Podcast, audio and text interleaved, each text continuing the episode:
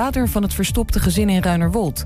Volgens RTV Drenthe wil een van de oudere kinderen dat justitie hem vervolgt voor seksueel misbruik van een broertje of zusje. De vader hield zijn kinderen jarenlang vast op een boerderij. Omdat hij te ziek was, kwam er geen rechtszaak.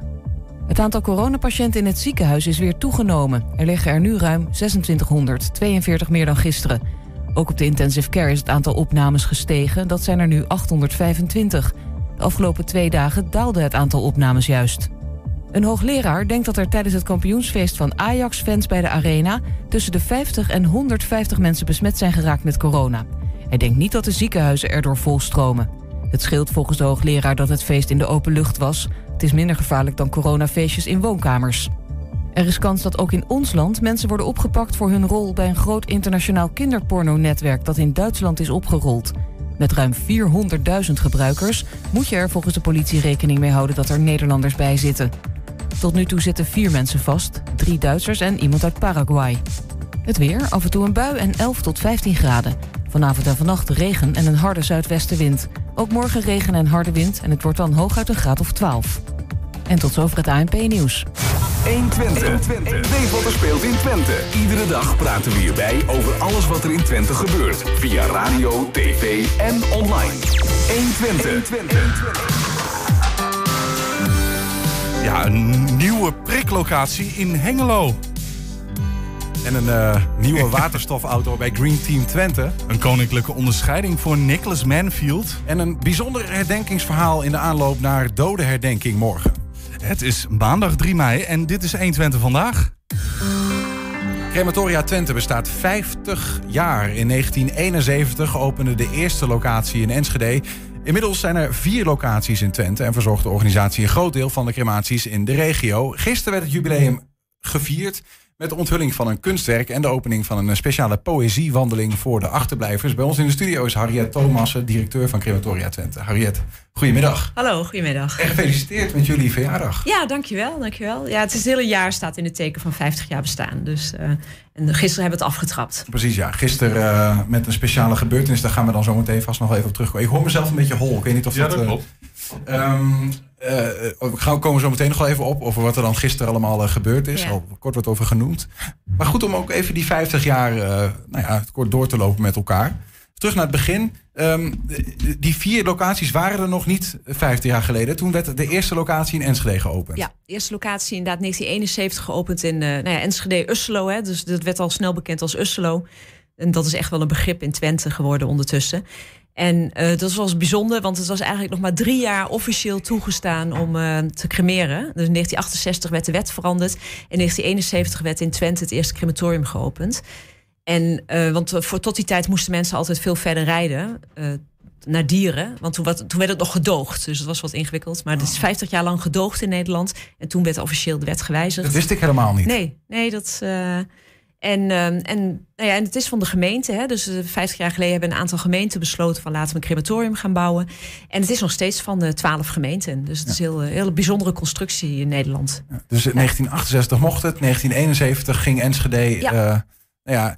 Maar dat heeft waarschijnlijk, zou ik denken, ook te maken met een verandering in ons landschap als het gaat om secularisatie, of niet? Want cremeren is, is wel iets wat, wat, wat vaker voor de mensen die in de kerk opgroeien wat minder gebruikelijk is. Dat klopt, want de katholieke kerk heeft het heel lang een soort van verboden. En ook uh, ergens in de jaren zestig heeft ook de katholieke kerk gezegd van nou, we zijn er niet een groot voorstander van, maar we staan het wel toe. Mm -hmm. En je zag ook zeker in een stad als Twente, heel erg een arbeidersstad, uh, waar dat ook de, de arbeiders zich niet de wet wilden laten voorschrijven door de kerk. Of de, en dat zij dus ook heel erg graag wilden, uh, zeg maar, dat wilden, graag wilden cremeren. Ja. Dus, uh, was er ook meteen in Enschede dan veel aanloop in 1971? Ja, het was, het was meteen van het begin af aan was het, heeft het al meteen goed gelopen, zeg maar. Dus het was meteen inderdaad echt veel animo. Maar dat was natuurlijk ook omdat Usselo het enige crematorium was in, in deze hele regio in Twente. Dus van mensen, waar kwamen de mensen dan, weet je dat? Nou Want, ja, ja, echt wel van ver weg. Dus echt wel vanuit de Achterhoek. Uh, nou, uh, zeg maar, dus alles zeg maar, voorbij Lichtenvoorde kwam hier naartoe.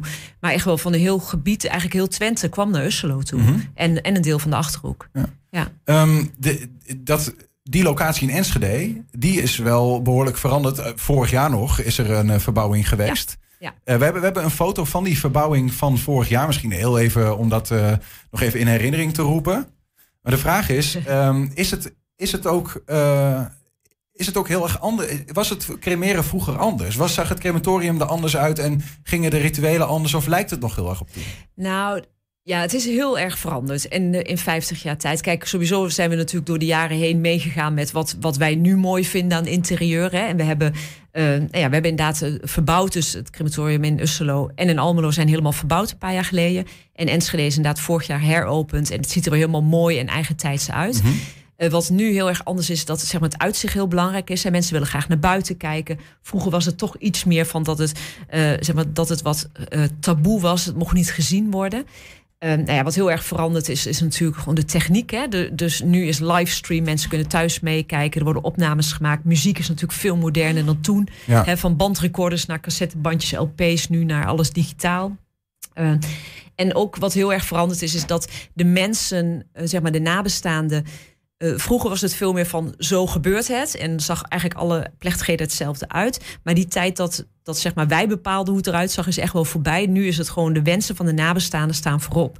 En dus, Is dat ook anders dan? Want ik kan me ook voorstellen dat nabestaan soms een hele gekke wens hebben... waar jullie eerder best wel in een bepaald stramien dachten altijd. Ja, de- zeker. Weet je, mensen, mensen willen toch veel meer hun eigen persoonlijke tintje eraan geven. Kijk, in, ik denk in die 50 jaar eh, was het eh, nou, zeg maar persoonlijke verhalen over overledenen. Dat, is echt, dat was 50 jaar geleden nog niet zo. Het was toch veel meer misschien even gewoon een standaard verhaaltje met wel wat muziek en misschien wat, toch wel wat religieuze eh, verhalen. En nu is het heel veel meer, staat degene die overleden is, staat echt centraal. En inderdaad, er is live muziek. En dat was toen ook al wel. Maar nu, ja, ik denk wel dat het nu veel meer wordt ingekleurd. Hè? De kist die beschilderd wordt door kinderen. Eh, het- ja, dat, dat was toen nog niet zo. Het was veel meer taboe. Klinkt, klinkt ehm, logisch dat je dat doet. Hè? In, een, in een begrafenis of in een eh, crematie in dit geval... in een uitvaart van iemand... dat, je, dat het dan ook echt over die persoon gaat. Maar Ja. dat zo logisch was dat dus niet altijd. Nee, nee, ik denk dat 50 jaar geleden was het. Nou ja, zeker als je kerkelijk was, dan ging het veel meer. Dan ging het gewoon over, zeg maar, over de Bijbel en over de kerk. En niet over degene die overleden was. En nu staat echt degene die overleden is, denk ik, veel meer centraal. En de wensen van de nabestaanden staan veel meer centraal. En eh, ja, weet je, de tijd, zeg maar, er wordt nu wordt ook heel vaak wordt een crematie afgesloten met een borrel. Ja, dat was misschien 20 jaar geleden ook nog helemaal niet gebruikelijk. Hè? Dus zeg maar, de, de koffie en de cake, dat, is, dat kan nog steeds. Krentenweg in Twente. En de krentenweggen. We hebben hele goede krentenweggen, hele goede cake. Maar eh, eh, de borrels met de bitterballen, met friet, is ook heel gebruikelijk tegenwoordig. Ja, Hè, ja. Prosecco, of echt het leven soort van vieren. Dat is, ja, dat is denk ik wel echt heel erg veranderd in de afgelopen jaren. Zijn, zijn er ook eh, dingen die jij... In de, hoe lang ben je al directeur van de crematorium? Eh, nu anderhalf jaar. Anderhalf jaar. Misschien wel verhalen meegekregen of eerder betrokken geweest. Ja. Dus, eh, Wat zijn nou de meest... Ja, gaan er ook verhalen rond op, bij de crematoria van... ja, dit was wel een bizarre crematie, een gekke wens. Ik kan me zo voorstellen dat iemand soms op een hele rare manier ter graven wordt gedragen. Ja, maar ja, weet je, het is natuurlijk allemaal hele persoonlijke dingen. Maar natuurlijk Ja, gaan er wel ja. verhalen rond van. En, maar, maar niet, ja, weet je, elke uitvaart heeft weer op een bepaalde manier weer bijzonder. En laatst hadden we iemand die wilde graag de motor naar binnen rijden van degene die overleden was. Toen zeiden we, nou, ja, er mag veel, maar laten we heel even kijken of dat allemaal past en zo. Hè. Dat maar, eh, nou ja, uiteindelijk is het wel gebeurd. Dus Als het past, is de sky the limit? Of zeggen jullie ook wel eens... dit is wel een beetje onze ethische grens? Mm, Nee, ik denk dat. Ja, dat, eigenlijk hebben we dat, die vraag nog nooit gehad. Maar dat is wel een goede vraag inderdaad. Van hoe ver ga je? Maar eigenlijk is, is ons motto van alles kan tenzij. En ja, weet je, die, die ethische grens, dat, nou, dat is nog nooit overschreden of zo. eh, nee. Zou je zelf gecremeerd willen worden? Ja, maar dat wilde ik ook al wel voordat ik hier werkte. Ja, ja. dat was niet per se de reden dat Nee. we... Nou, ik ga eens even Nee. kijken hoe het daar zit bij Nee, de nee, crematoria. Nee, nee, nee. nee. nee. Wat, eh, wat, ja, eh, ik weet niet of je daar een antwoord op hebt, maar wat vind je mooi aan je... Waarom ben je er gaan, directeur gaan worden? Wat vind je er mooi aan, aan wat jullie doen? Ja, het is heel. ehm, het is heel betekenisvol werk wat we doen. En ik, wat ik heel mooi vind, is dat het een heel Twents bedrijf is. En dat we echt zeg maar, onderdeel zijn van de samenleving. En ook op die manier eh, ja, proberen we ook zeg maar, wat terug te geven aan de samenleving. Hè. Zoals nu bij die poëziewandeling. Of hebben volgende week zijn wij sponsor van de theatervoorstelling van Magda en Bijvank. Hè, Geen moederdag. En we willen op zo'n manier iets terugdoen eh, aan de samenleving. Want we zijn van de samenleving. Hè. We zijn van de gemeente. En dat vind ik heel mooi om te doen. En het is, heel, en het is elke dag heel, het is heel belangrijk dat we het goed doen. En dat vind ik ook heel mooi aan mijn werk. Want uh, als bij ons, uh, ja, weet je, je wil het goed doen, maar je kunt het maar één keer doen. Een uitvaart kun je maar één keer doen. En ja, we doen echt ons stinkende ja. best om het, om het goed te doen. En dat is leuk. Iedereen eer te doen die daar. Uh... Ja, en te zorgen dat inderdaad iedereen zich welkom voelt bij ons. En dat onze dienstverlening op een heel hoog niveau staat. En ja, elke dag weer te leren van hoe kunnen we het nog beter doen en nog mooier. En ja, dat is mooi werk. Gisteren hebben jullie dit 50-jarig jubileumjaar, het, het, gouden jaar zou je kunnen ja. zeggen, hè? 50 jaar um, ingeluid met, met een bijzondere activiteit. Ja. Uh, we hebben daar wat, wat beelden van op een, op een rij gezet. Uh, misschien kun je ons er doorheen praten. Wat is er gisteren gebeurd? Nou ja, dit zijn de beelden. Uh, wat we gisteren gedaan hebben, zijn beelden onthuld van Rinus Roelofs. Hè. Die beelden kwamen net, die zag je net voorbij komen. Hè. Rinus Roelofs is een kunstenaar uit Hengelo. En die heeft voor ons hele mooie beelden gemaakt. met hele diepe betekenis erachter. En daarna heeft de, hebben we, heeft de burgemeester de poëziewandeling geopend. Dus we hebben in ons gedenkpark in, in Urselo hebben we 15 gedichten neergezet. Uh, die allemaal iets te maken hebben met de dood en herinneren. Of ja, en uh, met, met stilstaan bij degenen die overleden zijn. En uh, nou, hier zie je de, in de, van de dichters het, het voordragen. Ik heb het zelf ook nog niet gezien, ook leuk beelden. Ja. ja. En wij hebben namelijk een prachtig park om ons pand heen liggen, wat bijna niemand kent. Vijftien jaar geleden was het gewoon een weiland. En dat is helemaal aangeplant. En daar zijn dus ook plekjes voor urnen. En, dus het is echt een, nou ja, een gedenkpark. Maar het is echt super mooi. Het is in Usselo. Ja, dit was in uh, ja. Enschede, ja, in Usselo. Ja, ja, voor de, iedereen, iedereen kent Usselo. En um, ja, en wat, wat, we gisteren ook hoorden van de aanwezigen, dat mensen zeiden: we wisten helemaal niet dat het hier zo mooi is en dat jullie zo'n prachtig park hier hebben. Dus we willen ook heel graag mensen nou ja, laten zien hoe mooi het is bij ons en, en dat ze kunnen genieten van de gedichten. En uh, dus ze hoeven niet. Dus iedereen is welkom. Niet alleen de nabestaanden die daar, uh, zeg maar, die daar hun geliefde hebben begraven. Hè, ja. In de vorm van een urn. Uh, of uitgestrooid hebben. Maar ook gewoon mensen uit Enschede die denken van. Nou, ik wil die gedichten wel eens lezen. En ik wil wel eens zien hoe mooi het is. Of het echt zo mooi is. En hoe heet dat nou? Dus ken je een code of zo? En dan kun je de gedichtenwandeling. En dan hoor je ja. ze ook. Worden ja. ze voorgelezen? Ja, worden ze voorgelezen. Dus je kunt, als je bij ons op terrein komt, kun je een code scannen bij de parkeerplaats. Je kunt ook even bij de receptie een foldertje ophalen als we open zijn. Mm -hmm. Maar anders kun je inderdaad de code scannen. Dan krijg je de route. En dan loop je de route. En op elk gedicht uh, zit nog weer een andere QR-code. En dan hoor je de, uh, de dichter het zelf het gedicht voordragen. Dus dat is echt heel mooi. Ja, ja, ja. Um, ik, ik, ben ook nog wel benieuwd. Als je nou. Uh, mensen met wie je gesprek hebt over cremeren. Wat, wat zijn nou tegenwoordig de afwegingen om wel of niet uh, tot crematie over te gaan of tot begrafenis? Is dat nog een, een ding waar sommige mensen mee worstelen? Wat kom je tegen? Ja, dat weten natuurlijk de uitvaartleiders die bij de families thuis zitten beter de, he, dan ik. He, want wij zitten eigenlijk aan het eind. He. Mensen komen bij ons op de dag zelf van de crematie.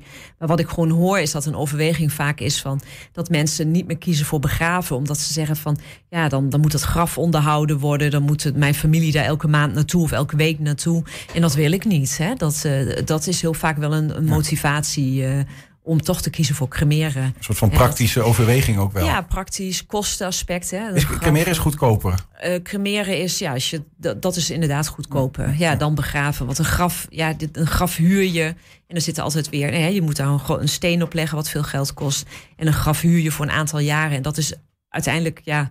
Uh, ja, dan is dat duurder dan cremeren, ja. dan eenmalig cremeren. Ja, ja. Is dat, en is, is, is een crematie eigenlijk altijd... Uh, ja, een soort van. Ja, je zei al, elke crematie is bijzonder. Maar is het ook wel eens een uitdaging dat je denkt van oeh, dit is een. Dat, kom, loop je wel eens tegen dingen aan? Of is dat inmiddels een, een geoliede machine, om het zo maar te zeggen? Nou ja, we zijn natuurlijk wel een geoliede machine, maar elke uitvaart.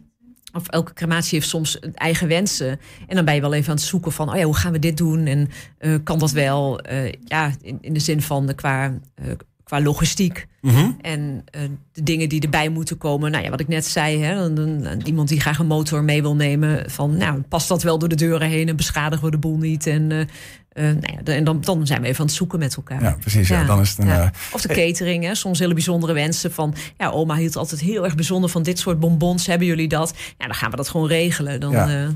ja.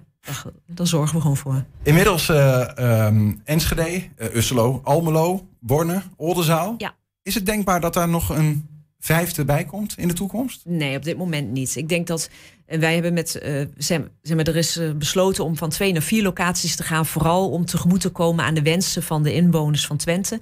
Want kijk, als je nou ja, boven Oldenzaal woont, is Usselo best ver weg. Dus de mensen zijn uh, ja, in dat gebied heel erg blij met een crematorium dichterbij.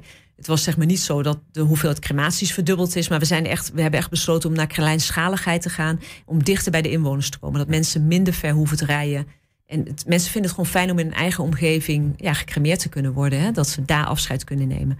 Dus ja, dus de, en Born en Oldenzaal worden heel erg positief ervaren. Uslo en Almelo ook.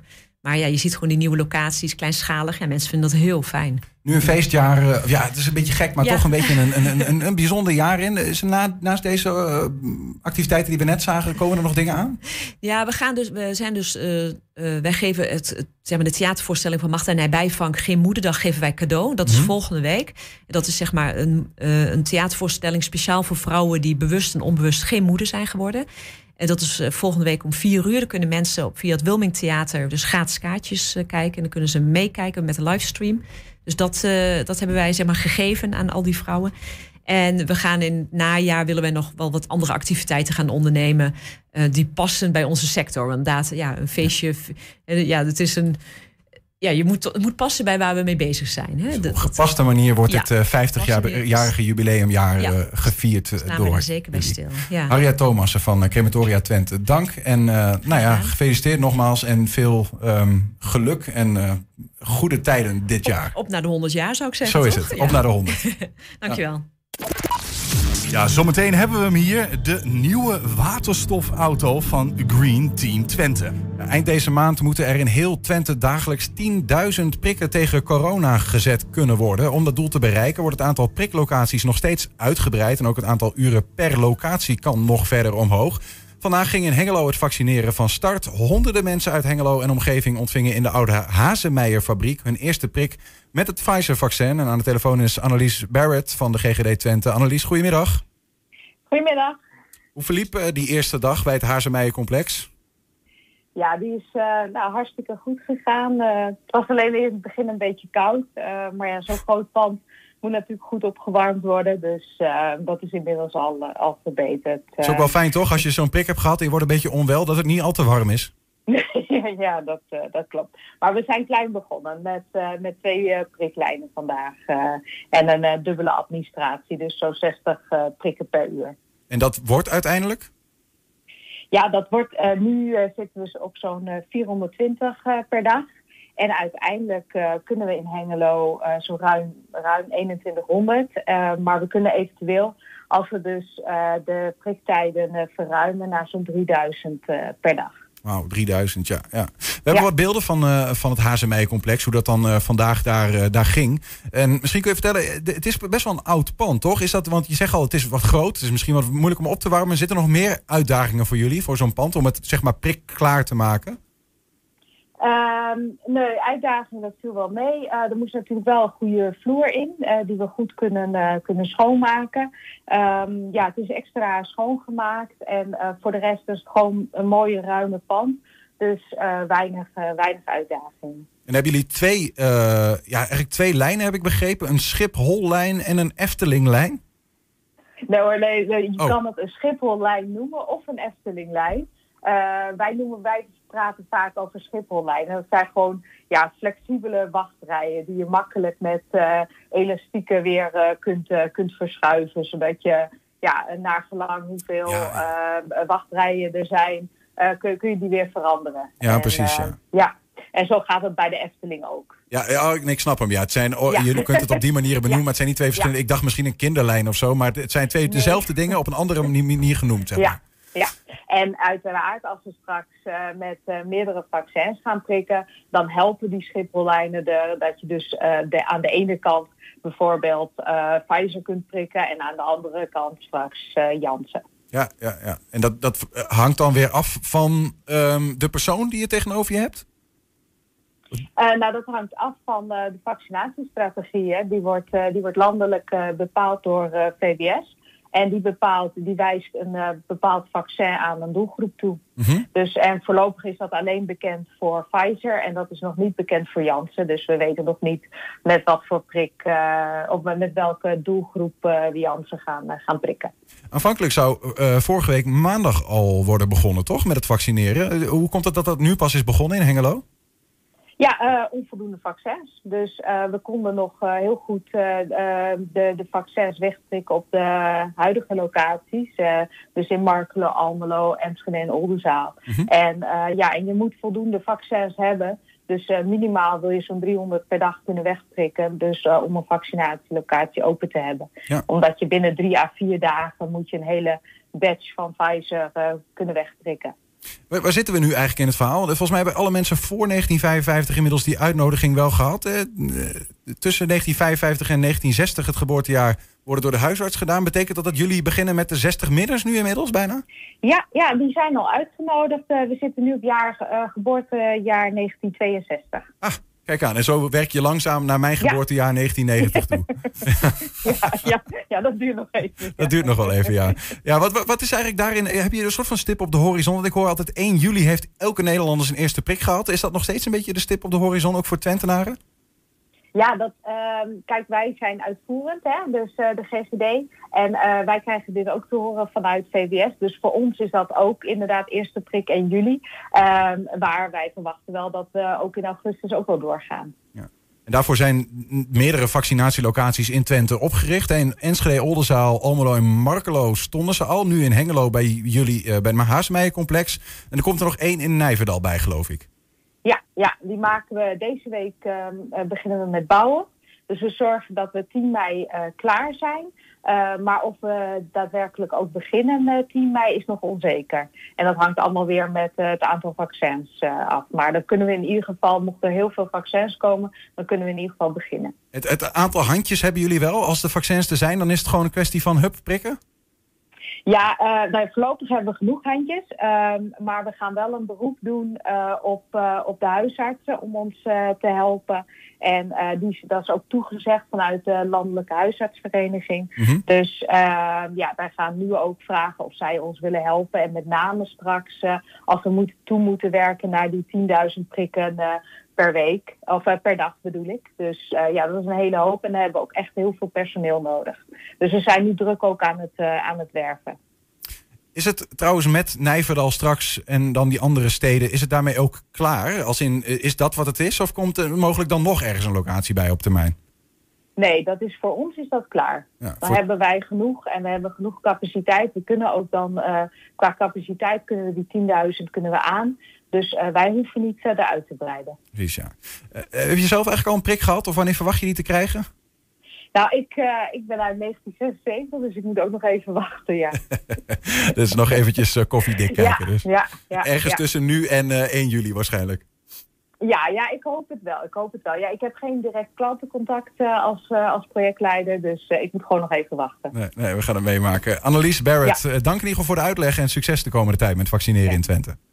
Dankjewel. Doeg. Doeg. Ja, Nicholas Manfield werd vrijdag geridderd tot officier in de orde van Oranje Nassau. Straks praten we met hem daarover. Ja, eerst Julian ga ik een kleine switch maken. Oké, okay, wat, wat Want, ga jij doen? Nou ja, we hebben eerder een keer uh, een uh, draaiorgel hier naast het pand gehad. Ja? En nu staat er iets anders. Misschien kun je een tipje van de sluier geven. Dan pak ik mijn setje en dan ga ik alvast die kant op. Ja, want uh, je hebt namelijk de Solar Boat en het Solar Team Twente. Ja, die uh, uh, via de zon hun kracht kunnen genereren met die auto. Maar je hebt ook Green Team Twente. die doet hetzelfde, maar dan met waterstof. Afgelopen vrijdag was de reveal van de nieuwe auto van het Green Team Twente. Die nu geheel toevallig bij ons naast onze mooie studio staat. En Niels, ik heb volgens mij door dat jij inmiddels al buiten staat. Ik sta inderdaad buiten, Julian. We hebben weer een technisch hoogstandje hier hoor. Hey. Maar precies toen jij het noemde, de Green Team auto, de Green Team Twente auto. Toen zagen we hem ook op camera. Hier staat hij voor ons. En daarnaast staat Femke Jansen van het Green Team ja. Twente. Femke, goedemiddag. Goedemiddag. Dit is hem, de Aurora. Hoeveel is dit? We hebben hem X genoemd. Uh, omdat we dit jaar het tiende team zijn die aan de auto werken. Dus Aurora X, officieel. De, de Aurora X, omdat jullie het tiende team zijn. Ja. En jullie hebben een eer hoog te houden, toch? Uh, ja, uh, in 2019, wat officieel de laatste wedstrijd is geweest, zijn we kampioen geworden. wereldkampioen. Dus eigenlijk moeten we dat hoog houden. Vorig jaar was er geen wedstrijd. En eh, dit jaar proberen we met onze eigen wedstrijd eh, gewoon gelijk te rijden aan wat er toen gereden is. Om eh, op die manier alsnog wereldkampioen voor onszelf te kunnen noemen. Ja, precies. Ja, ja, ja. Dus even die titel prolongeren, zo Ja. is het eigenlijk. En wat moet je daar dan eigenlijk voor doen? Wat staat er voor jullie op het programma dit jaar? Efficiëntie is daarbij het belangrijkste. Dus dat betekent dat wij zo netjes mogelijk moet- moeten rijden. Of eigenlijk onze bestuurder moet zo netjes mogelijk rijden. Zodat we zo min mogelijk waterstof eh, gebruiken eh, over het circuit heen. Dus deze auto die hier staat, rijdt op waterstof en gaat tegen andere auto's op een circuit rijden. Ja. En je krijgt een x aantal eh, waterstofmoleculen in je auto. En ja. daarmee moet je het zo, Ja, zo ver wel. mogelijk rijden. Je krijgt een bepaalde tijd en een bepaalde hoeveelheid waterstof in je tank. Of je krijgt een tankje daarvoor. En ehm, daarmee moet je voor een bepaalde tijd rijden. En dan zo min mogelijk waterstof gebruiken eigenlijk. En waar gaat dat eh, dit jaar gebeuren? Eh, dit jaar gaat dat in Bergen doen. Eh, normaal gesproken is een heel internationaal wedstrijd. Ehm, dat kan natuurlijk nu niet. Dus nu doen we het met een paar teams uit Nederland, wat kleinschaliger. En dat gaat daar gebeuren. Maar dat, dat is wel uiteindelijk een wereldwijd kampioenschap, toch? Ehm, voor dit jaar niet. Eh, ik denk dat we wel gaan kijken of we het kunnen vergelijken met andere teams. Eh, maar we kunnen dan in ieder geval met onze twee grote concurrenten vergelijken. Ah ja. Ehm, dus op, hopelijk op die manier kunnen we alsnog zeggen... we hebben in ieder geval van hun gewonnen... en we kunnen het nog vergelijken met voorgaande jaren. En dus volgend jaar is de, de bedoeling om weer echt eh, een Eh, feest ja, van te maken. Dat is eh, wel het idee. Maar betekent dat dan dat jullie een team zijn wat soort van in dienst staat van het volgende Green Team Twente? Dat je een soort van tussenjaar stiekem bent geworden? Ehm, nee, je hebt wel je eigen doelen. En ook omdat we onze eigen wedstrijd nog hebben... hebben we daar heel erg naartoe gewerkt. Eh, maar je ondersteunt eigenlijk al, elk jaar wel weer het volgende jaar. Want je helpt hun natuurlijk weer verder om steeds beter te worden. Hij staat hier, hè? Ja, ik weet niet, jullie hebben hem meegenomen. Misschien kunnen we met de camera er even omheen eh, of een beetje zo van... eh, eh, wat is er nou, kun, je er iets over, over vertellen? Wat, wat zien we hier eigenlijk? Ehm, ja, ik kan hier eventueel een deur open doen. oh, je kunt hem open doen zelfs. Dan kun je naar, ja, hij is het- niet helemaal gevuld op dit moment. het lijkt op een soort van lichtfiets, maar dan is het stiekem het een is auto. niet het meest gemakkelijk zittende auto, om maar zo te zeggen. Zou ik erin mogen, mogen gaan Ik, zitten? eh, ik weet niet of dat past. Er gaan heel vaak Oh. kleine, lichte mensen in. Wat wil je nou hiermee Ja, vooral in lengte hoor. Eh, maar eh, dus ja, ehm, Maar Je mag, ja, je mag er van mij... Kun jij erin zitten of niet? kan ik erin zitten? Ik kijk naar achter. Ik, ik kan erin zitten. Maar dan doen we even de microfoon Oh, eh, zetten. we- Heb je er wel eens in gezeten, Femke, of niet? Ik heb er één keer in gezeten. Je hebt er één keer in Ja. gezeten? Of, dan Het is een hele hulp. constructie om erin te gaan zitten. Kun je hem tegenhouden zodat hij niet wegrijdt? Ik hou hem ook even tegen. het is inderdaad, het is wel een beetje behelpen, ja, voordat je er eenmaal in zit.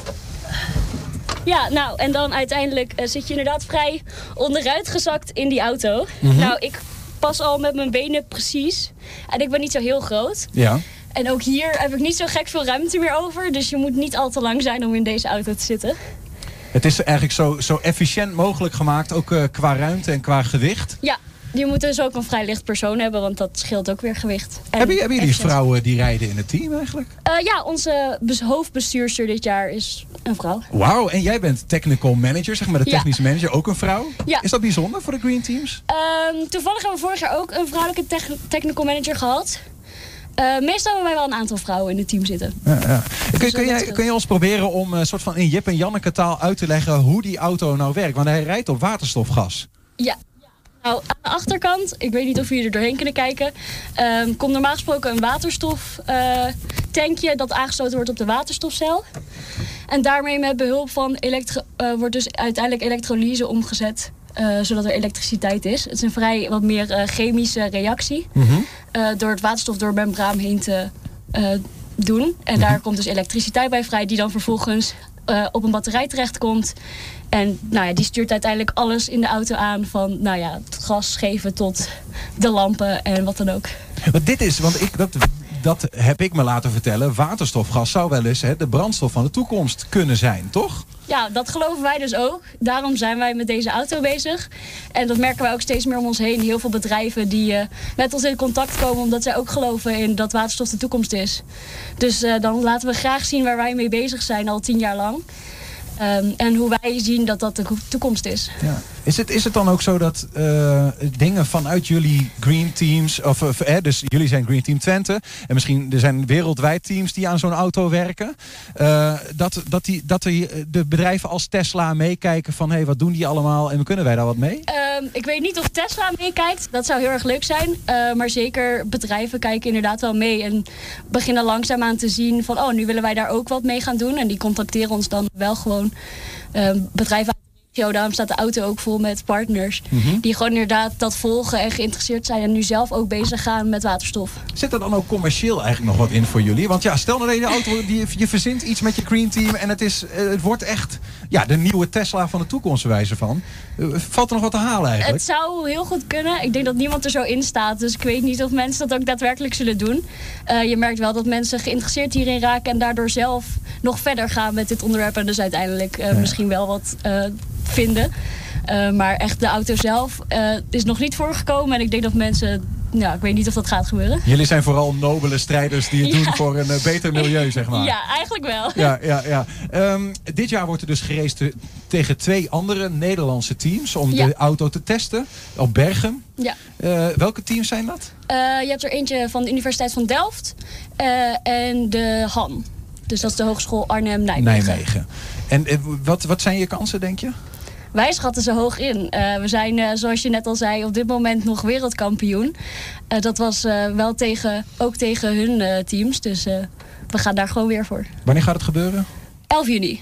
11 juni, dan gaan we het meemaken. Ja. En dat is dan een opmaat naar volgend jaar. En dan is het weer een wereldkampioenschap of zo'n Shell-marathon. Wat, wat gaat er dan op het programma staan? Uh, eigenlijk hetzelfde wat elk jaar is. Het is inderdaad de Shell Eco-marathon heet dat.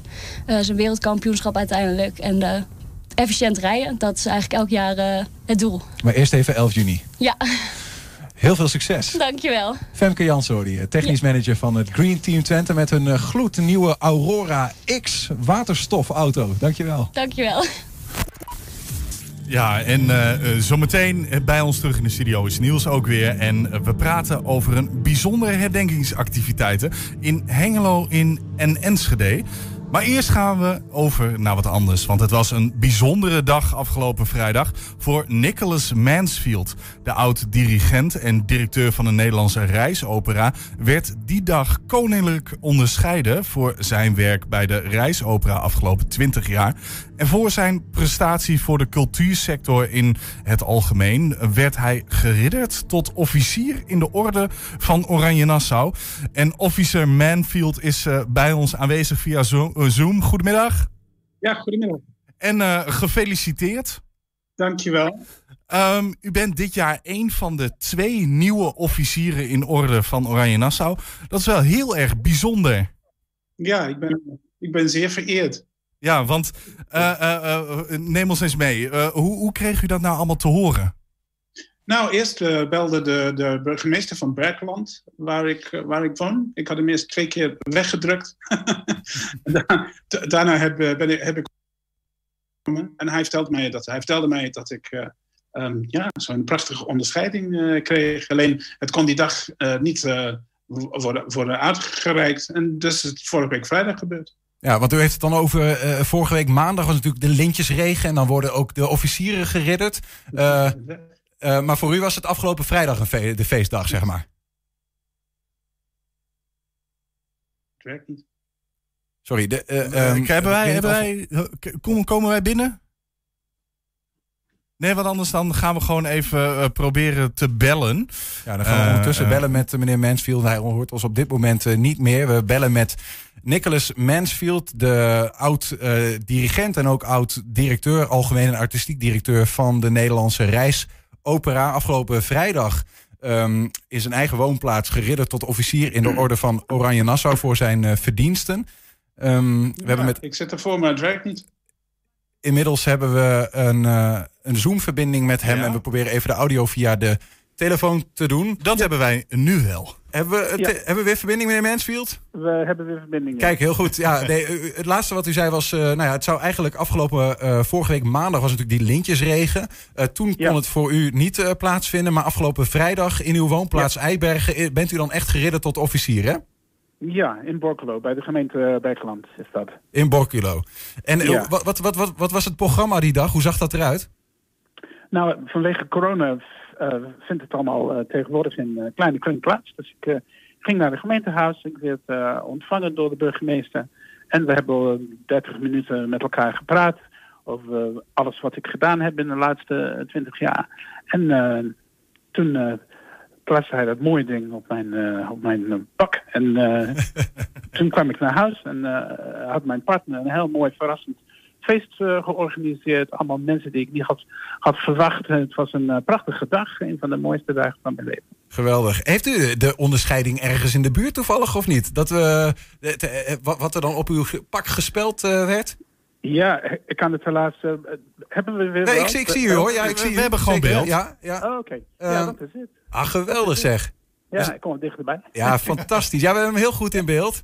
Ja. Eh, Ja, dit is wel heel uniek wat is gebeurd. Maar u heeft natuurlijk ook een, een nogal eh, bijzonder oeuvre, een bijzonder eh, nalatenschap nu al. Hè, Ja. t- Twintig jaar bij de Reisopera. In de eerste instantie dirigent, later Ja. hoofd van het productiebureau. En in 2012 Ja. werd u algemeen en artistiek directeur. Maar dat was geen gemakkelijke tijd wanneer u het roer overnam, hè?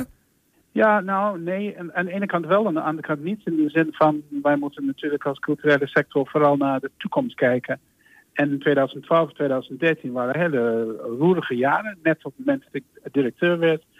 En de reisopper werd heel erg gekort in, in eh, zijn subsidie. Maar het is wel lang geleden. Dus wij gaan natuurlijk eh, nu de toekomst in. De reishopper gaat de toekomst in. Ik ga de toekomst in. En ik vind dat de hele culturele sector dat, eh, dat ook moet doen. En niet alleen kijken naar prestaties uit het verleden.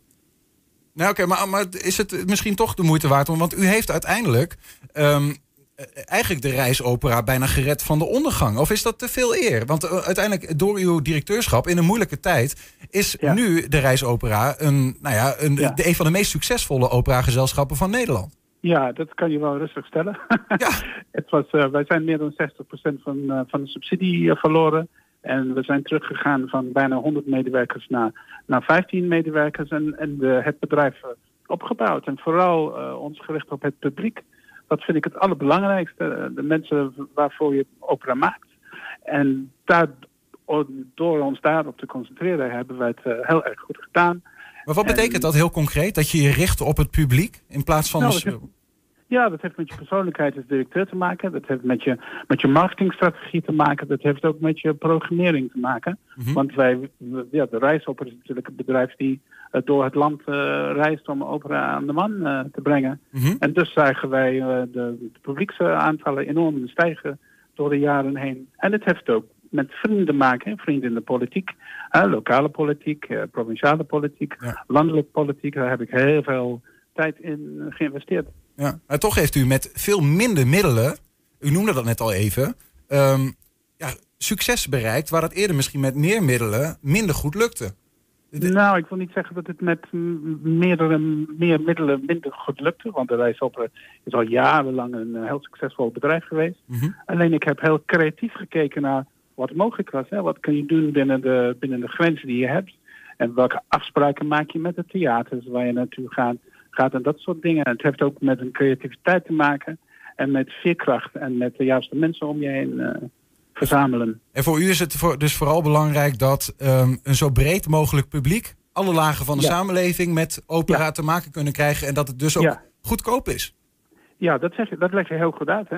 Je, kunt, eh, je kunt bij een voorstelling van de je kan je gemiddeld voor 40, 45 euro naartoe. Hè? Iedere schouwburg in Nederland heeft een andere prijs, maar het is wel heel erg eh, toegankelijk. Dus niet alleen qua, qua prijs, maar ook qua, qua inhoud. Wat is eigenlijk In de, mijn tijd, wat in is- mijn tijd in ieder geval. Ja, ik ben dan niet weg. Hè? Nee, precies. Ja, ja. Maar wat is de schoonheid van opera voor u? Want eh, zeg maar, ja, ik ben, ik ben 30 en ik weet niet, ik heb het idee soms onder mijn leeftijdsgenoten dat ze het ook niet altijd begrijpen. Ik, ik zelf in kluis soms ook wel. Ik denk van, oeh, het is wel een, soms ook wel een moeilijke eh, vorm van theater die om te volgen. Ja. Wat mis ik eigenlijk dan als ik dat niet snap? Nou, ik denk dat, eh, ik denk dat het sterkste punt van opera is, in ieder geval mijn bedoeling is altijd geweest om mensen anders naar zichzelf en de wereld om zich heen te, te laten kijken. En opera aan zich is geen elitaire kunstvorm. Hè? Je kunt het wel elitair aankleden, maar het is op zich gewoon een van de oudste kunstvormen en eigenlijk heel erg eenvoudig. En daarom hebben we ook boventitelingen vaak bij opera dat je het verhaal kan volgen.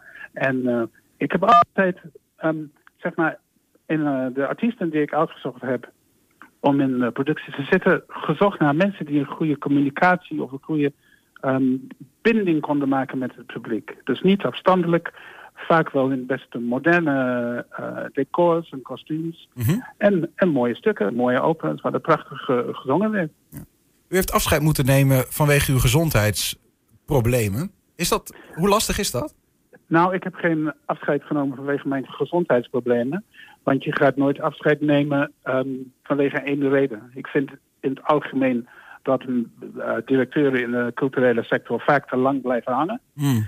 En de laatste twee jaar van mijn leven eh, we hebben in het kader, de het kader gestaan van herstel, herstel, herstel. Ja. En uh, dus ik, ik, ben hersteld. En het, ga, het, ging mij om het herstel en het ging mij om een nieuwe toekomst voor mijzelf creëren. Dus ik ben niet weggegaan vanwege mijn gezondheid. Ik ben weggegaan vanwege mijn herstel u heeft nog wel, want u zei al van ik vind het belangrijk om niet alleen terug te kijken, of misschien juist vooral niet terug te kijken, maar vooral ook vooruit te mm. kijken. En ik kan me mm. voorstellen dat u borrelt van ideeën voor het Nederlandse cultuurlandschap en ook voor de opera.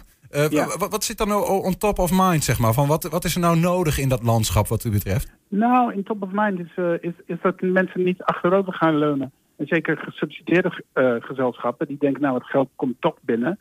Um, dat, dat zou ik iedereen uh, afraden. het gaat om perspectief creëren, het gaat om mensen uit hun, uh, hun eenzaamheid en hun solitude halen. Het gaat om mensen weer de theaters in krijgen. Het gaat ook om nieuwe locatieprojecten doen. Het gaat vooral om zeg maar, de plicht die je hebt om uh, mensen waardevol geld te geven door het land. en nogmaals, niet achteroverleunen en, en denken, ja god, dat komt nog wel allemaal weer goed. Altijd creatief blijven.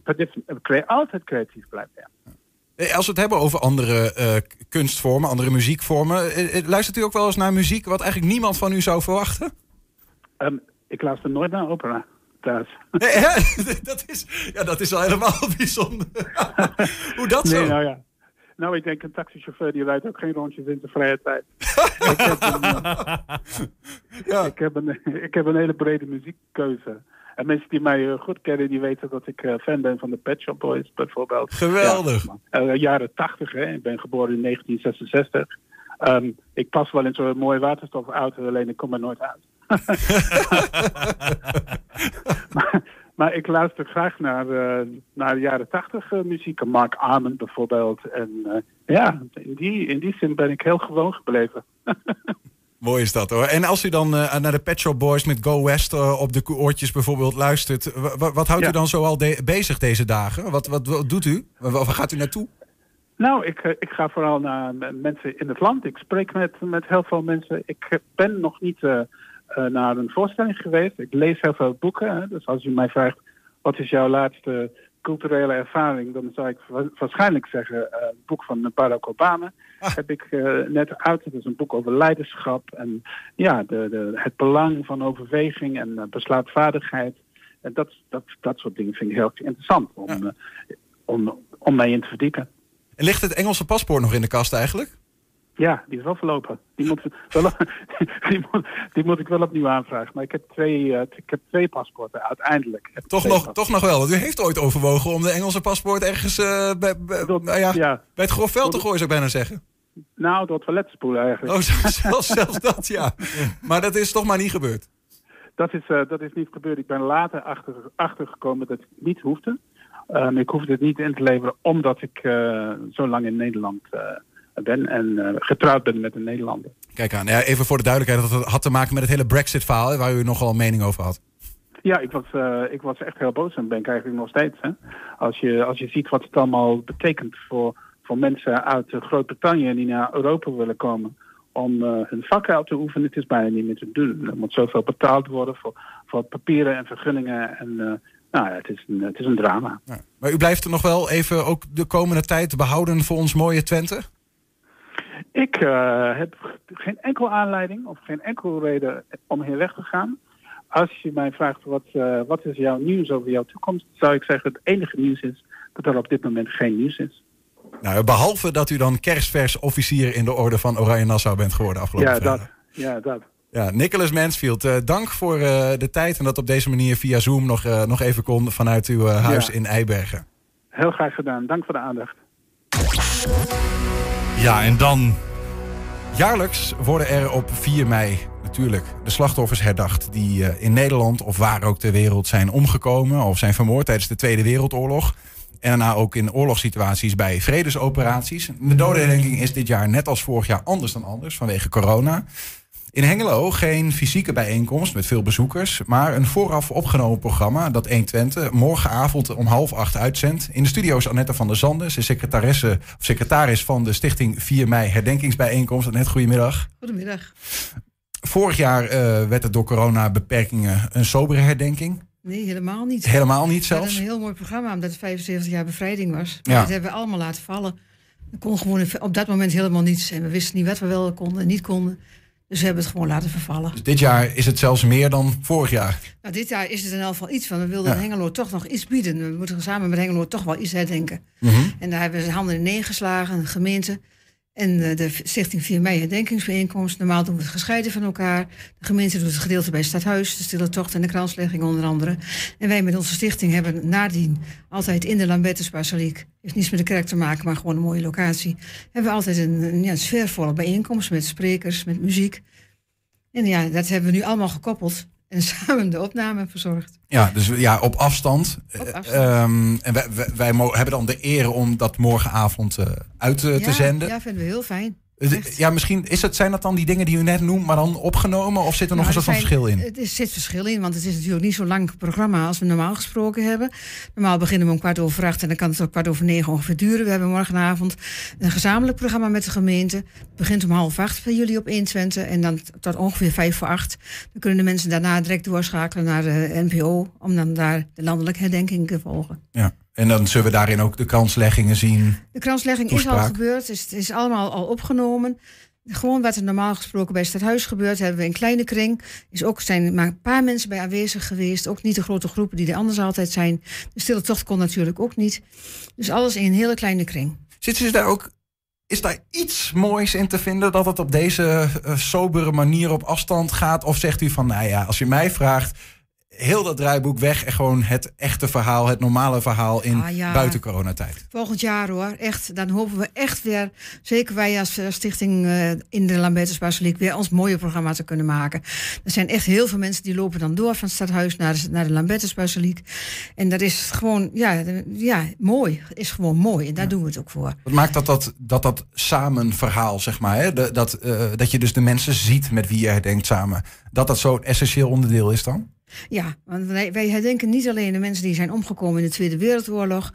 We gaan er ook echt vanuit dat het veel meer is. Dat er gewoon in de, den landen in de wereld veel meer slachtoffers zijn gevallen. En die willen we ook mede herdenken. Vandaar dat er ook de veteranen bij betrokken zijn. Dat we die ook altijd uitnodigen om bij ons te komen.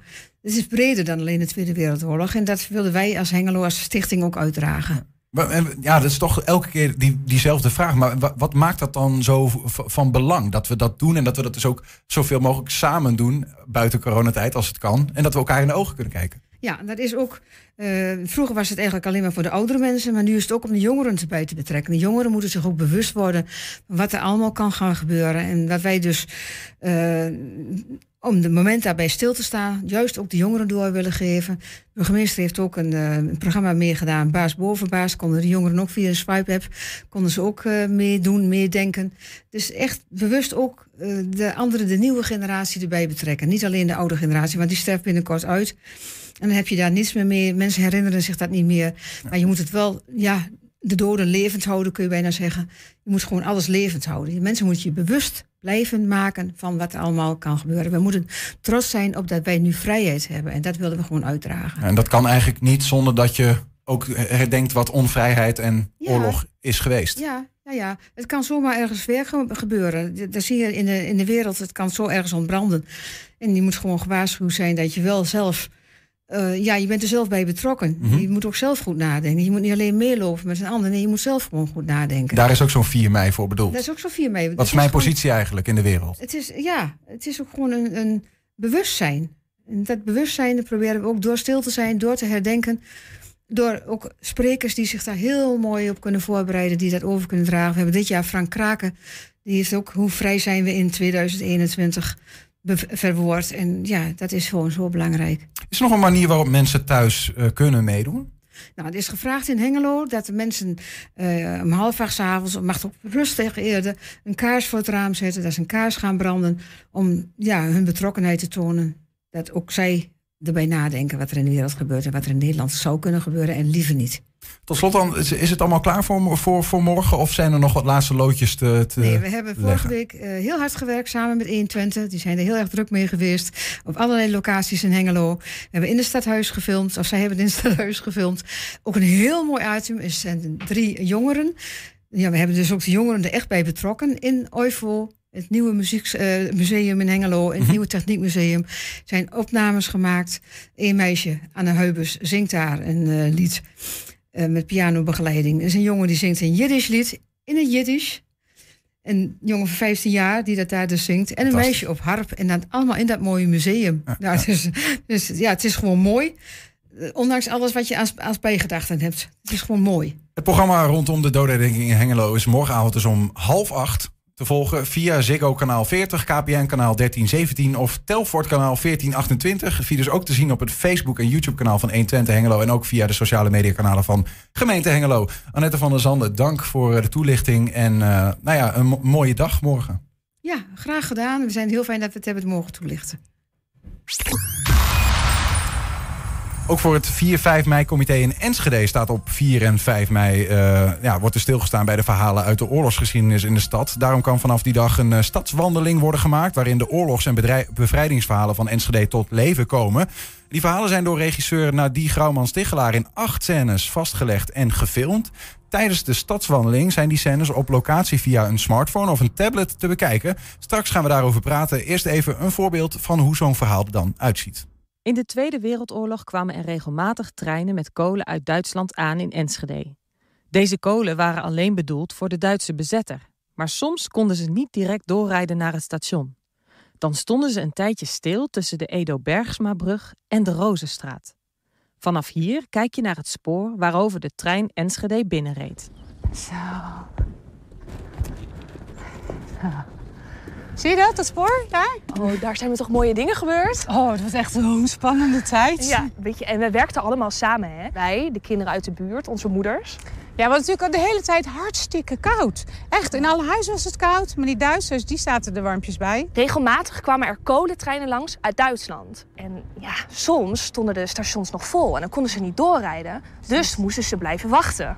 Hier vlakbij tussen de Edo-Bergsmabrug en de Rozenstraat. Ja, en als dat zo was, hè, dan was het feest. Ja, een gevaarlijk en spannend feest, dat wel. Maar wie het zag, die trommelde alle vrouwen en kinderen uit de buurt op.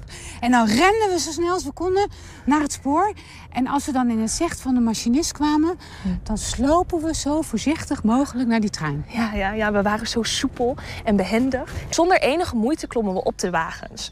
En we gooiden brokken steenkool en steenkoolbriketten naar beneden. Ja, en de sterke jongens, die vingen ze dan op en stopten ze in van die zinken emmers en tijlen en klommen weer omhoog en brachten ze naar de huizen in de buurt. we deden dit zo vaak en werden er steeds beter in. Op een gegeven moment hebben we met de hulp van wat anderen een uh, trap gegraven in de spoorhelling. Zodat het makkelijker was om naar boven te komen.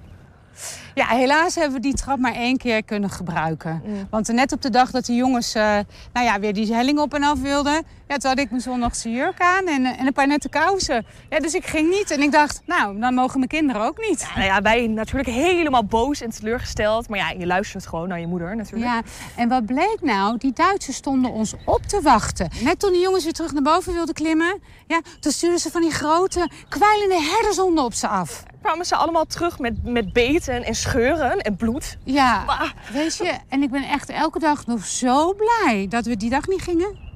Ja. Een betere moeder kan je niet hebben. Ja, geweldig.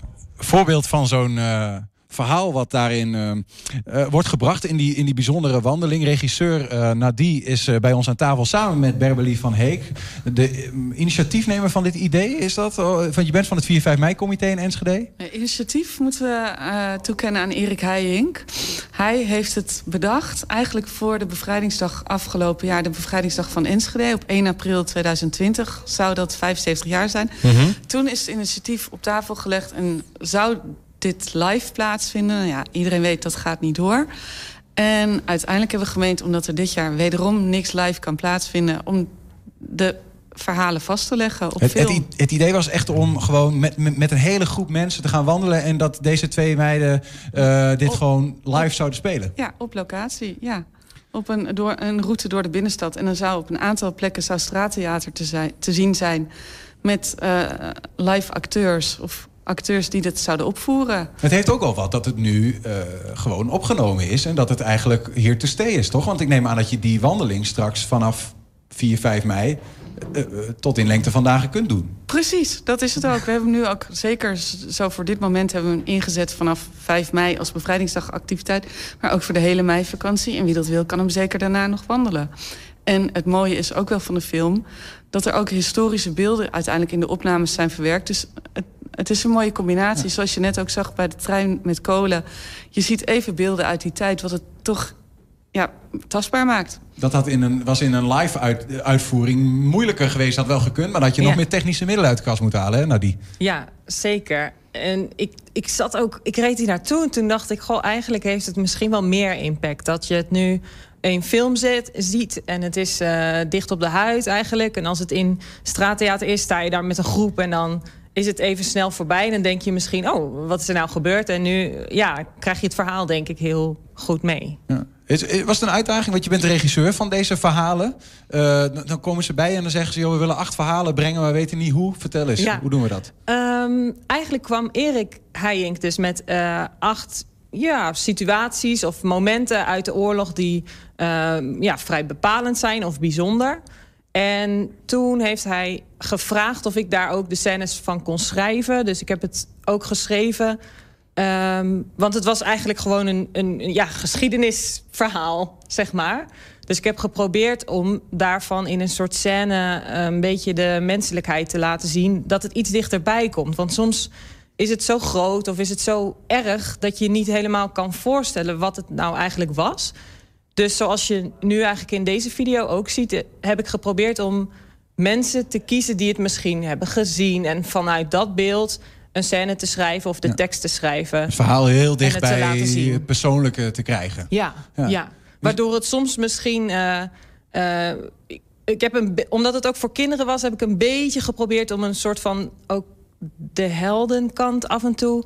beetje stoere kant die ze zich kunnen voorstellen. Bijvoorbeeld bij deze, dat ze naar beneden gingen, kli gingen klimmen... om die kolen uit die trein te halen... wat natuurlijk heel erg spannend en heel eng is. Mm -hmm. En dan loopt het eigenlijk ook best wel slecht af natuurlijk in het echt. Maar door dat misschien te vertellen als... het zou jou ook kunnen gebeuren... Ja. denk ik dat je er meer van meekrijgt. En ook zo. misschien mensen te motiveren om zelf de helderrol in een verhaal te spelen... mocht het er ooit op aankomen. Ja, ik zag ze allemaal achter elkaar natuurlijk toen we ze aan het opnemen waren. Toen moest ik ze nog een, keer, een paar keer bekijken. En toen dacht ik inderdaad, het lijkt een beetje... Um, inderdaad, wat zou jij doen als je in zo'n situatie komt? Dat weet je natuurlijk ja, nooit, ja. maar dit kan. Berbeli, um, acht verhalen. Er zullen in Enschede ongetwijfeld veel meer verhalen te vertellen zijn geweest. Absoluut. Wat, wat maakt deze acht verhalen de selectie? Uh, die selectie is ook door Erik gemaakt. Dit waren gewoon acht verhalen die aansprekend zijn. En dat is toch echt gewoon een willekeurig proces geweest. Ja, dat, ja. Daar zit niet echt een hele grote studie achter, nee. wat mij betreft. Maar laat ze allerlei facetten zien van de oorlogs- en bevrijdingsverhalen in Enschede? Ze, ze, ze, gaan door verschillende perioden van de oorlog en tot en met de bevrijding. Dus ja, ze laten wel zien wat er toen speelde. Voedseltekorten, kolentekort, uiteindelijk de bevrijding. Um, ja, dat komt er allemaal in terug. Wie, wie zijn eigenlijk de mensen naar die, die deze... Uh, want we zagen net twee acteurs. Uh, ja. Wie hebben zich daarvoor geleend om het te spelen? Um, ja, het is eigenlijk een soort samenvoeging. Vorig jaar heb ik in eerste instantie gewoon een grote uh, ja, het op Facebook gezet. En uh, het zijn allemaal vrijwilligers die zich hebben aangemeld. En de een heeft uh, meer ervaring dan de andere, ander. En sommige ken ik, ja, omdat ik zelf veel met theater werk. Dus die heb ik gewoon uh, stiekem gevraagd. en er komen best veel uit Enschede, maar ook niet iedereen. Nee. Dus het is, ja. Is een potpourri van acteurs die ja. ze dachten van hier gaan ja. we voor, dit gaan we, hier gaan we meedoen. Per scène, ik had aanmeldingen gekregen en per scène een beetje gekeken. Goh, wie zouden als familie van elkaar door kunnen gaan? Dus hopelijk zie je dat in de video's een beetje ja. terug. Die video's kunnen we gaan zien als we die wandeling gaan doen. Wat moeten we daarvoor eigenlijk allemaal doen om nou uh, hiervan een interactief onderdeel te worden? Uh, niet zo heel veel. Naar de website van 120 gaan. En daar komt het morgen aan het einde van de dag te staan. Zodat mensen die dat willen vanaf bevrijdingsdag de wandeling kunnen gaan lopen. Vanaf de kinderen. Met je kinderen. Met je kinderen is ja. heel belangrijk. Het was heel oorspronkelijke bedoeling, ook vooral voor de bovenbouw van de basisschool en de onderbouw van het voortgezet onderwijs.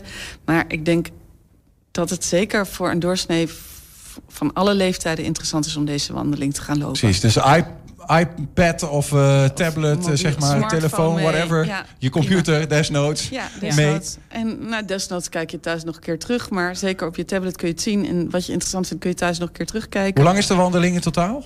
Drie kwartier. Drie ja. kwartier? En dat hangt er ook vanaf hoe snel je loopt, denk ik dan, toch? Ja. Dus hoeveel ja. kilometer is het? Is dat ook nog iets? Nou, het is eigenlijk een rondje om de binnenstad. Ja.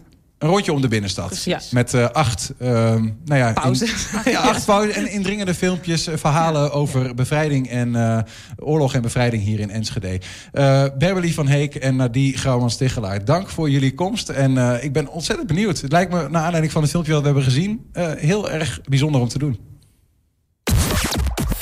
Ja, met die woorden sluiten wij 120 vandaag af. Terugkijken, dat kan direct via 120.nl. En vanavond om 8 en 10 uur ook op televisie te zien. Voor nu is het hier uh, uh, einde. Morgen hebben wij dus die 4 uh, mei special. Daar gaan we heel veel aandacht besteden aan wat er op die dag gebeurt. dus kom dat morgen zien. Zometeen hier hebben we in ieder geval Henk Ketting met een gloednieuwe kettingreactie voor iedereen die luistert en kijkt. En veel plezier in ieder geval daarmee. En wij zeggen tot morgen. 120. Weet wat er speelt in Twente. Nu het ANP-nieuws. Goedemiddag, ik ben René Postma. Er is aangifte gedaan tegen de vader van het verstopte gezin in Ruinerwold. Volgens RTV Drenthe wil een van de oudere kinderen dat justitie hem vervolgt voor seksueel misbruik van een broer.